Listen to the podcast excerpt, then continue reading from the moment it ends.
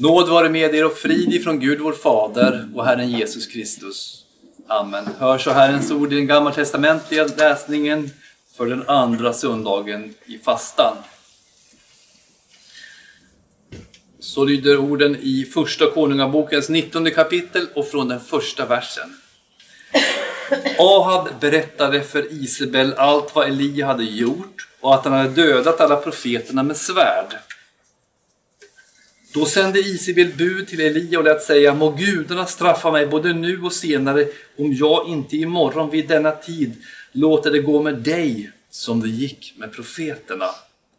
När han fick höra detta steg han upp och flydde för sitt liv. Han kom till Bersheba som hör till Juda och där lämnade han kvar sin tjänare. Själv gick han en dagsresa ut i öknen. Där satte han sig ner under en ginstbuske. Han önskade sig döden och sa, det är nog, nog herre, ta mitt liv, för jag är inte bättre än mina fäder. Elia la sig under ginstbusken och somnade, men en ängel rörde vid honom och sa till honom, stig upp och ät. Han såg upp och se, vid hans huvud fanns ett bröd som var bakat på glödande stenar och en kruka med vatten. Han åt och drack och la sig ner igen. Men Herrens ängel rörde på nytt vid honom för andra gången och sa Stig upp och ät, ty annars blir vägen för dig lång. Då steg han upp och åt och drack och gick sedan styrkt av maten i 40 dagar och 40 nätter ända till Guds berg Horeb. Amen. Herre, helga oss i sanningen. Ditt ord är sanning. Amen. Vad har Alexander den store, Martin Luther, Napoleon Bonaparte, Abraham Lincoln, Winston Churchill, Florence Nightingale, Isaac Newton, Ludwig van Beethoven och Michelangelo gemensamt? Förutom att de var kändisar. Om jag tar några fler exempel. Får ni gissa här. Vad har Lars Forssell, Brad Pitt, Camilla Henemark, Caroline av Ugglas, Jim Carrey, Peter Englund och Pontus Enhörning gemensamt? Svaret är Ja, de var syndare. Men då kunde vi tagit mer näraliggande exempel. De har alla gemensamt att de alla i sina liv periodvis led av en eller flera allvarliga depressioner. Kan en kristen drabbas av depression? Man kanske tänker att vi inte borde det. Eftersom vi med tanke på allt vi äger och har i frälsningen och i, i Gud så borde vi vara de lyckligaste människorna på jorden. Vi ska idag tala lite grann om depression. Varför den inträder, hur man möter en människa i depression, hur en deprimerad människa fungerar och vad man kan göra åt depression om man själv drabbas av den. Och jag gör nu inte anspråk på att vara någon medicinsk expert. Men Bibeln har, har en hel del att säga i ämnet kring nedstämdhet, ångest och möjligen depression. Detaljfrågorna får man tala med sakkunniga i ämnet om. Men först ska vi gå in i texten och lära oss, som vi brukar, lite, lite grann om sammanhanget i texten och historien. Om du skulle tänka på två av de största profeterna i Gamla Testamentet så dyker två namn upp. Moses och Elia. Och vi ska idag prata om profeten Elia. Han levde i en ganska tuff del av Israels historia. Ab hade blivit kung efter sin fader Omri och härskade mellan 874 och 853 före vår tideräkning i Israel. Kungen gifte sig av politiska skäl med den fenitiska prinsessan Isabel och genom hennes påverkan så leddes Guds folk till en dyrkan av avgudar. Man byggde ett Baals tempel i Samaria och man satte upp en påle till Aseran att tillbe. Vi läser att Ahab gjorde mer för att väcka Herren Israels Guds vrede än någon av de israeliska kungar som varit före honom. Han och Isabel försökte att utplåna dyrkan av den ende guden i Israel. Och det gjorde man genom att döda Guds profeter. Om Obadja inte hade gömt 150 profeter i två grottor och försett dem med mat och dryck, då hade det sett riktigt illa ut för Israel. Men Gud reste upp en mäktig profet, Elia. Och som vi sa, bredvid Moses så är ju han den kraftfullaste profeten i Israel. Han träder upp inför Ahab och han förutsäger, som ni minns, att det inte ska regna i Israel på grund av folkets otro. Och det regnar inte under tre år. Och Elia, han håller sig gömd under de här åren.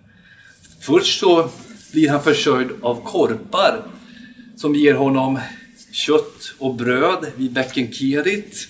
Och sen far han till Sarefat där han lever hos en änka. Och här gör han ju det här undret med bröd, nej förlåt, med, med mjöl och olja. Och så uppväcker han ju hennes son ifrån de döda. Och sen far han till Ahab och talar om för honom att regnet ska komma tillbaka. Han utmanar 450 Baals profeter och 400 profeter till Asera på en styrkemätning mellan avgudarna och den enda sanne guden. Man skulle kontrollera vilken gud som var den enda sanne guden och som man borde tillbe genom att se vilken gud som tände eld på de här stenaltarna som man, man hade satt upp. Ni minns hur Baalsprofeterna bad för sitt altare och hur Elia bad en bön till Gud. Och vi vet ju hur utgången gick.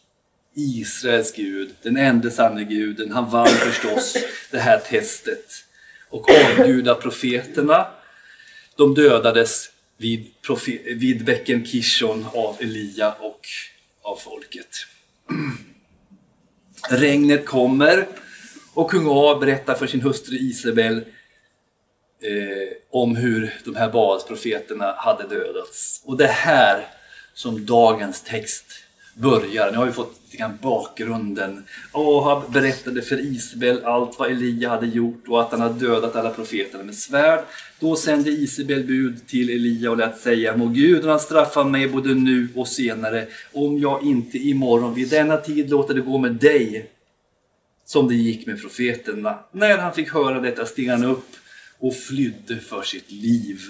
Han kom till Bersheva som hör till Juda och där lämnade han kvar sin tjänare. Själv gick han en dagsresa ut i öknen.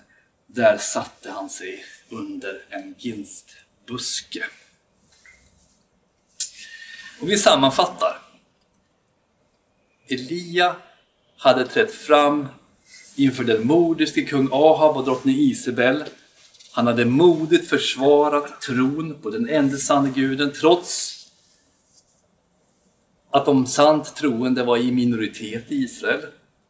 Han hade levt av Guds hand under tre år. Han hade gjort fantastiska underverk och han hade till och med uppväckt en död till liv. Någon kanske tänker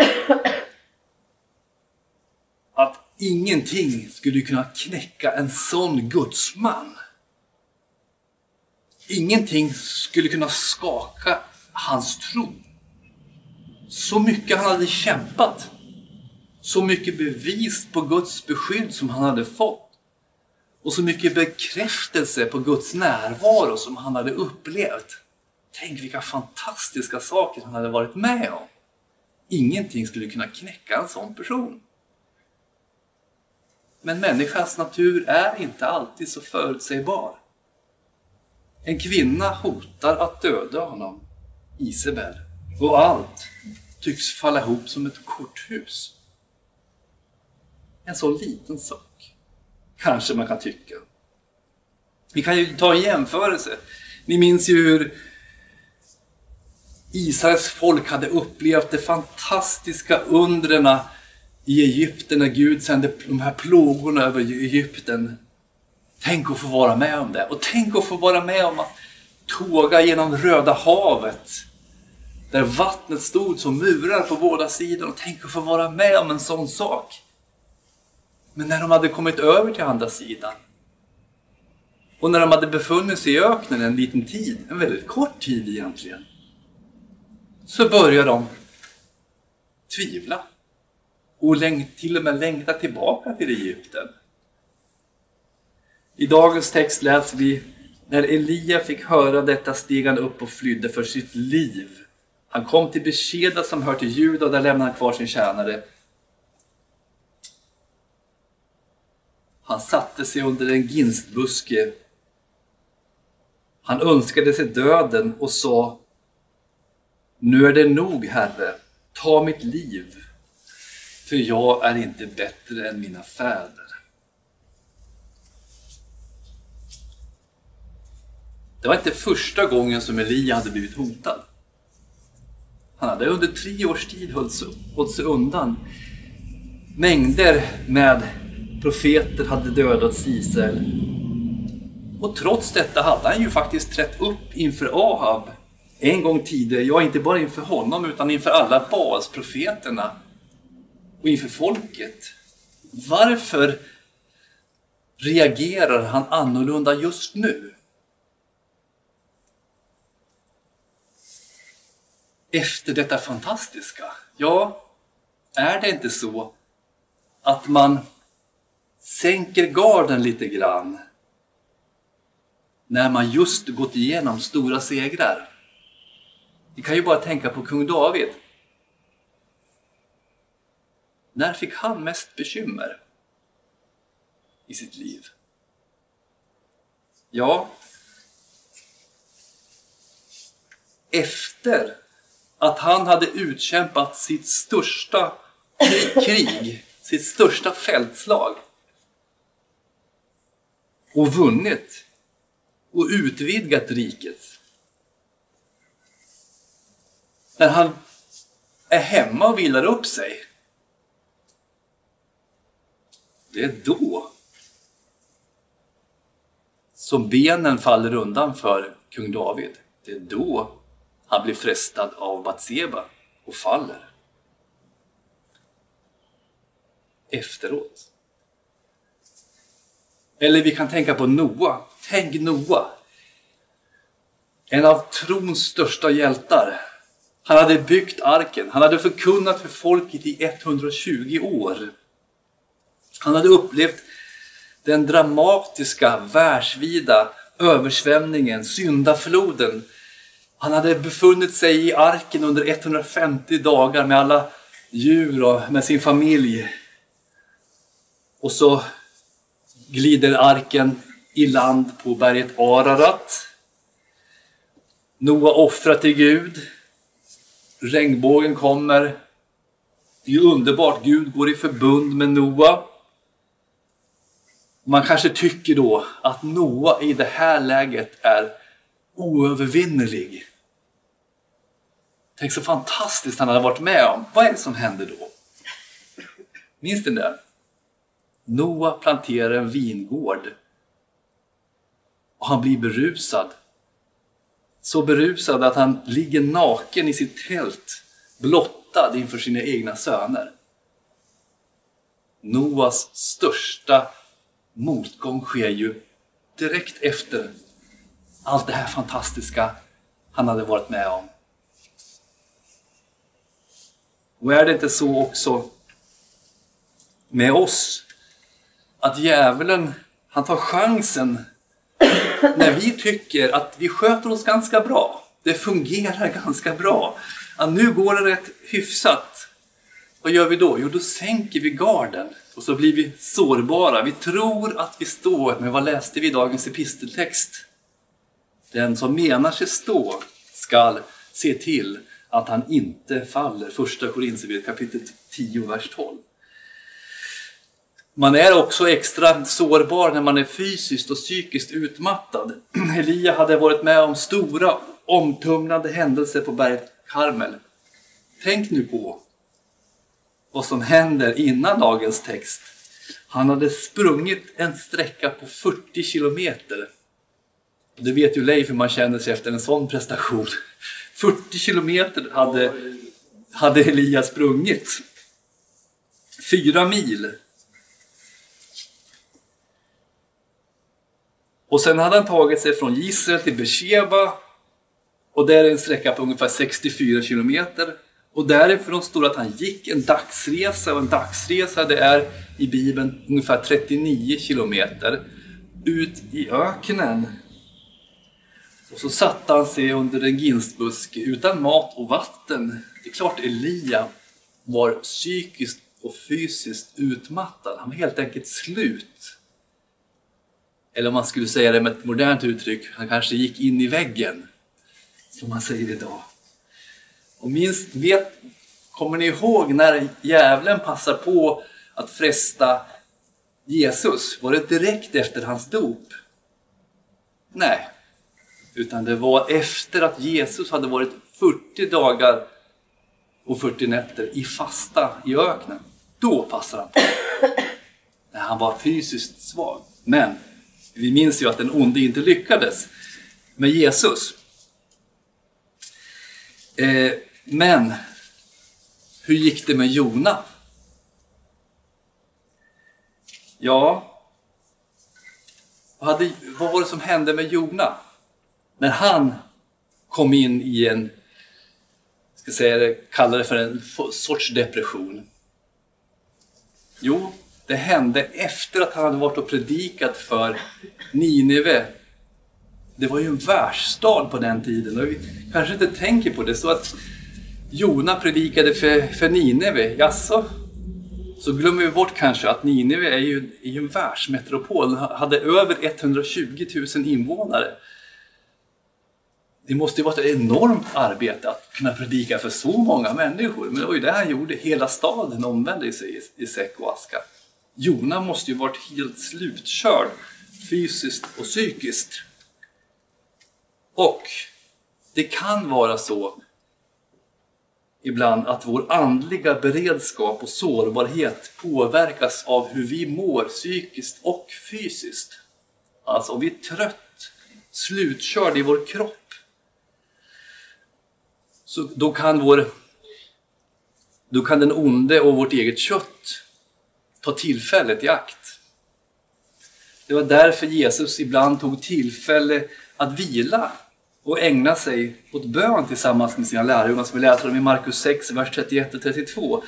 Läser vi om Jesus. Han sa till dem, kom med mig till en öde plats där vi kan vara ensamma och vila lite. Det var många som kom och gick. Det var så många som kom och gick att de inte ens fick tid att äta. Så for de i båten till en öde plats för att få vara för sig själva. Sann vila när får vi sann vila?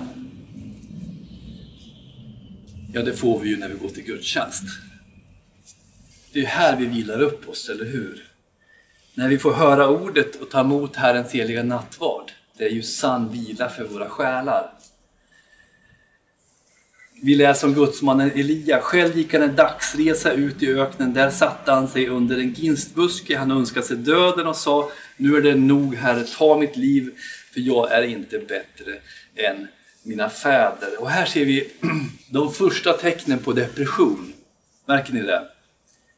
Den deprimerade har en överdrivet svart bild av sig själv och sin omvärld.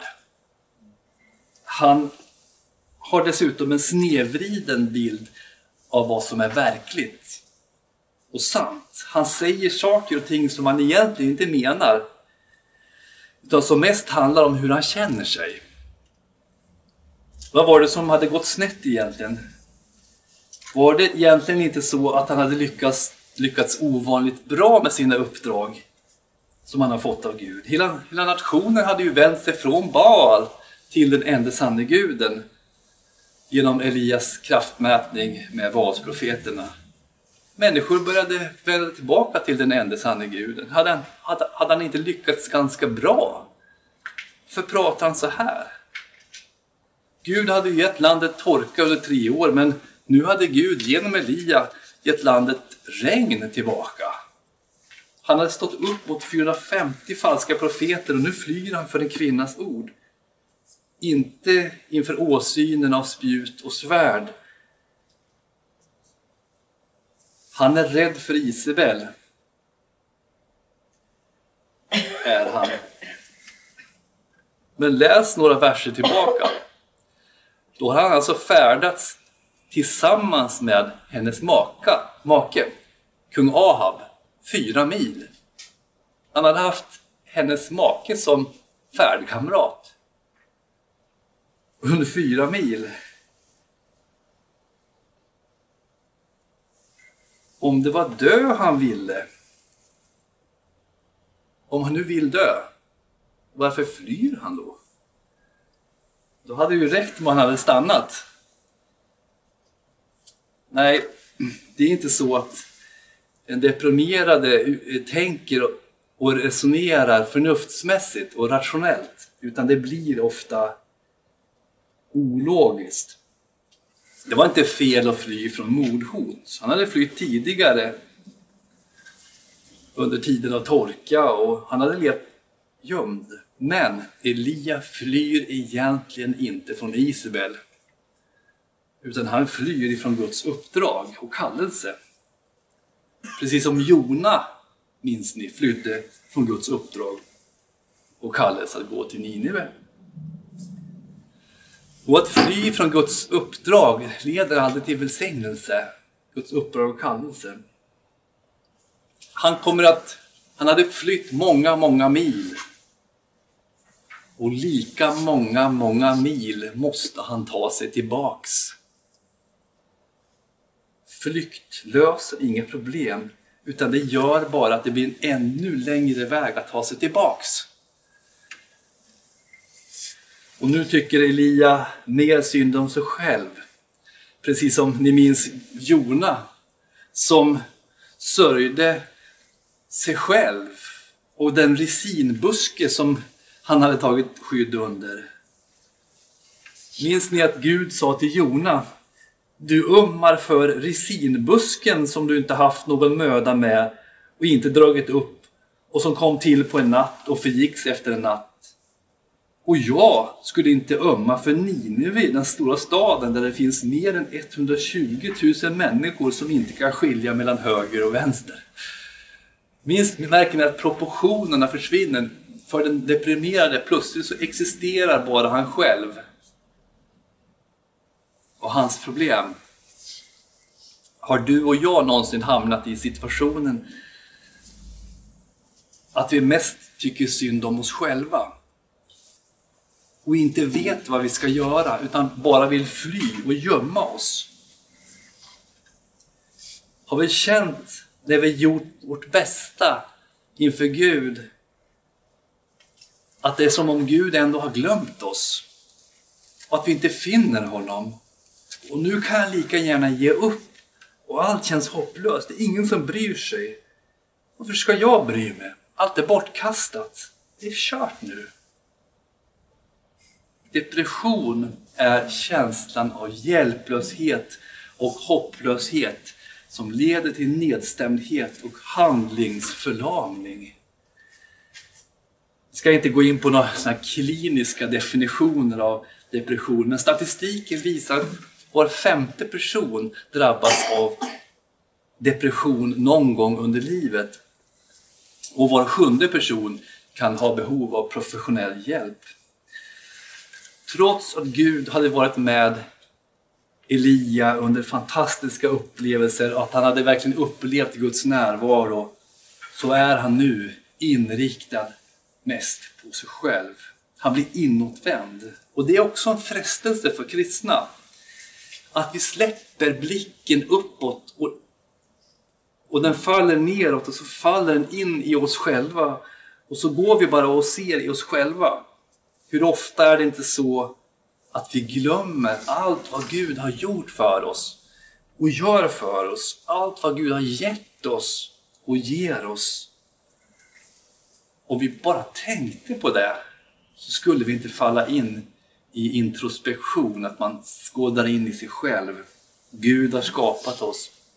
Han har älskat oss av evighet. Han har sänt sin egen son att lyda lagen i vårt ställe och dö på korset för våra synders skull. Kristus besegrade döden åt oss genom att gå ut ur graven på den tredje dagen. Och han har lovat att vara med oss. Han sänder sin ande till sin kyrka och han har lovat att komma tillbaka och hämta oss till sig. Han ger oss varje dag bröd för dagen. Han ger oss beskydd. Han hör våra böner. Om vi tänkte på detta stora, fantastiska så skulle vi aldrig vara nedstämda. Men när synfältet liksom krymper så ser man till slut bara sig själv. Och lite längre fram i texten så kommer Elia att påstå att han är den enda troende kvar i Israel. Men han visste ju att det inte stämde. Hade vi inte läst tidigare att Obadja hade gömt 150 profeter i två grottor? Och det visste Elia om. Men nu är det som att han har glömt det. Och längre fram skulle Gud visa honom att det fanns 7000 i Israel som inte hade böjt knä för Baal. Ja, när man faller in i ett sånt här depressivt tillstånd så upplever man sig helt ensam. Man till och med isolerar sig själv medvetet. Jag är ensam och ingen förstår mig. Problemet är att ensamhet i kombination med nedstämdhet lätt spiller över i en attityd av jag mot dem. Jag passar inte in. Och plötsligt så är det inte mig det är fel på utan då är det alla andra det är fel på. Om detta säger Guds ord, låt oss inte överge våra sammankomster som en del av förvana, utan uppmuntra varandra. Detta är så mycket mer som ni ser att dagen närmar sig. Den kristna gemenskapen är viktig för att komma ur den bubbla av ensamhet och isolering som man kan stänga in sig själv i. Och ju sämre vi mår, fast vi inbillar oss att vi mår bra av att få vara för oss själva en stund. Ju sämre vi mår, desto mer behöver vi vara tillsammans med andra kristna. Andra medmänniskor som kan få oss att se utanför oss själva. De andra kanske inte förstår vad vi går igenom. Men de kan i alla fall vara våra vänner och be för oss. När Elia tog sin blick från Herren så hamnade den på de negativa omständigheterna. Och på samma sätt var det med Petrus. Jag säger det en gång till. När Elia tog sin blick från Herren så hamnade de på de negativa omständigheterna. Och vi ska läsa om Petrus. Matteus, Matteus 12, vers 28 till 31. Petrus sa, Herre, om det är du, så befall att jag ska komma till dig på vattnet. Jesus sa, kom. Petrus steg ur båten och gick på vattnet fram till honom. Men när han såg hur häftigt vinden låg på blev han rädd och började sjunka. Då ropade han, Herre, hjälp mig. Genast sträckte Jesus ut handen och grep tag i honom och sa, så lite tro du har. Varför tvivlade du? Elias sa, nu är det nog, Herre, ta mitt liv, för jag är inte bättre än mina fiender. Men dessa ord är uttryck för hans känslor och inte för verkligheten. Verkligheten är att för dem som älskar Gud samverkar allt till det bästa för dem som är kallade efter hans beslut. Verkligheten är att den här tidens lidande väger lätt i jämförelse med den härlighet som kommer att uppenbaras och bli vår. Verkligheten är att vår nöd som varar ett ögonblick och väger, väger lätt bereder åt oss på ett oändligt rikt sätt en härlighet som väger tungt och varar i evighet. Vi riktar inte blicken mot det synliga utan mot det osynliga. Till det synliga är förgängligt men det osynliga är evigt. I ett depressivt tillstånd upplever man att man inte orkar bära bördan, att ingen förstår och ingen klarar av detta. Men verkligheten är, som skriften säger, att ingen annan frestelse har drabbat er än vad människor får möta. Gud är trofast, han skall inte tillåta att ni frestas över er förmåga, utan när frestelsen kommer skall han också bereda en utväg så att ni kan härda ut. Verkligheten är att vi har en överstepräst som vi har inte en överstepräst som ej kan ha medlidande med våra svagheter, utan en som blev frestad i allt, liksom vi, men utan synd. Låt oss därför frimodigt gå fram till nådens tron för att få barmhärtighet och finna nåd till hjälp i rätt tid. Dagens text fortsätter. Elia lade sig under ginstbusken och somnade, men en ängel rörde vid honom och sa till honom, stig upp och ät. Han såg upp och se, vid hans huvud fanns ett bröd, som var bakat på glödande stenar och en kruka med vatten. Han åt och drack och lade sig ner igen. Men Herrens ängel rörde på nytt vid honom för andra gången och sa, stig upp och ät, ty, ingen, ty annars blir vägen för lång för dig. Då steg han upp och åt och drack och gick sedan styrkt av maten i 40 dagar och 40 nätter ända till Guds berg Horeb. Se här Guds terapi. Nedstämdhet av det här slaget kan som vi nämnde tidigare utlösas av fysisk slutkördhet. Elia får sova och Herrens ängel, alltså Jesus själv, ger honom att äta nybakat bröd och vatten. Ängeln svarar inte på Elias påståenden eller förmanar honom. Vanliga diskussioner fungerar inte för den som är insnärjd i sig själv. Det logiska tänkandet är liksom avstängt. Han ger bara en kort instruktion. Stig upp och ät, ty annars blir vägen för lång för dig.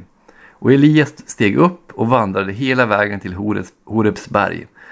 Det måste vara något alldeles särskilt med änglabrödet, att Elia kunde få sådana krafter.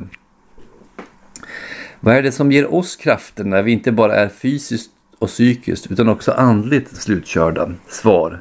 Endast evangelium i ord och sakrament. Evangelium i ord och sakrament är det himmelska mannat som vi läser i skriften. Han ger den trötte kraft och ökar den maktlöse styrka. Ynglingar kan bli trötta och ge upp. Unga män kan falla, men de som hoppas på Herren får ny kraft. De lyfter med vingar som örnar, de skyndar iväg utan att mattas. De färdas framåt utan att bli trötta. Genom evangeliet så tröstar oss Gud med budskapet om hur Guds sons blod renar från all synd. Och han förlåter oss alla våra överträdelser och kläder oss i sin rättfärdighet. Därför ska vi uppmuntra varandra i att flitigt delta i församlingens gudstjänster och hämta styrka genom evangelium i ord och sakrament. Depression är inte synd och många kristna har drabbats av den. Vi ser hur Jona och Elia slöt sig i sig själv. Men Gud tog dem ur isoleringen och förde dem tillbaka till det uppdrag de hade bland Guds barn. Låt oss hjälpa och uppmuntra varandra. Det är inte fel att ha ont i själen, men det är fel att inte söka hjälp. Hjälpen kan finnas bland professionella terapeuter, men andlig hjälp finns bara hos Kristus. Och han kommer bara till oss genom evangelium i ord och sakrament, i den gemenskap som förvaltar dessa medel, församlingen. Amen.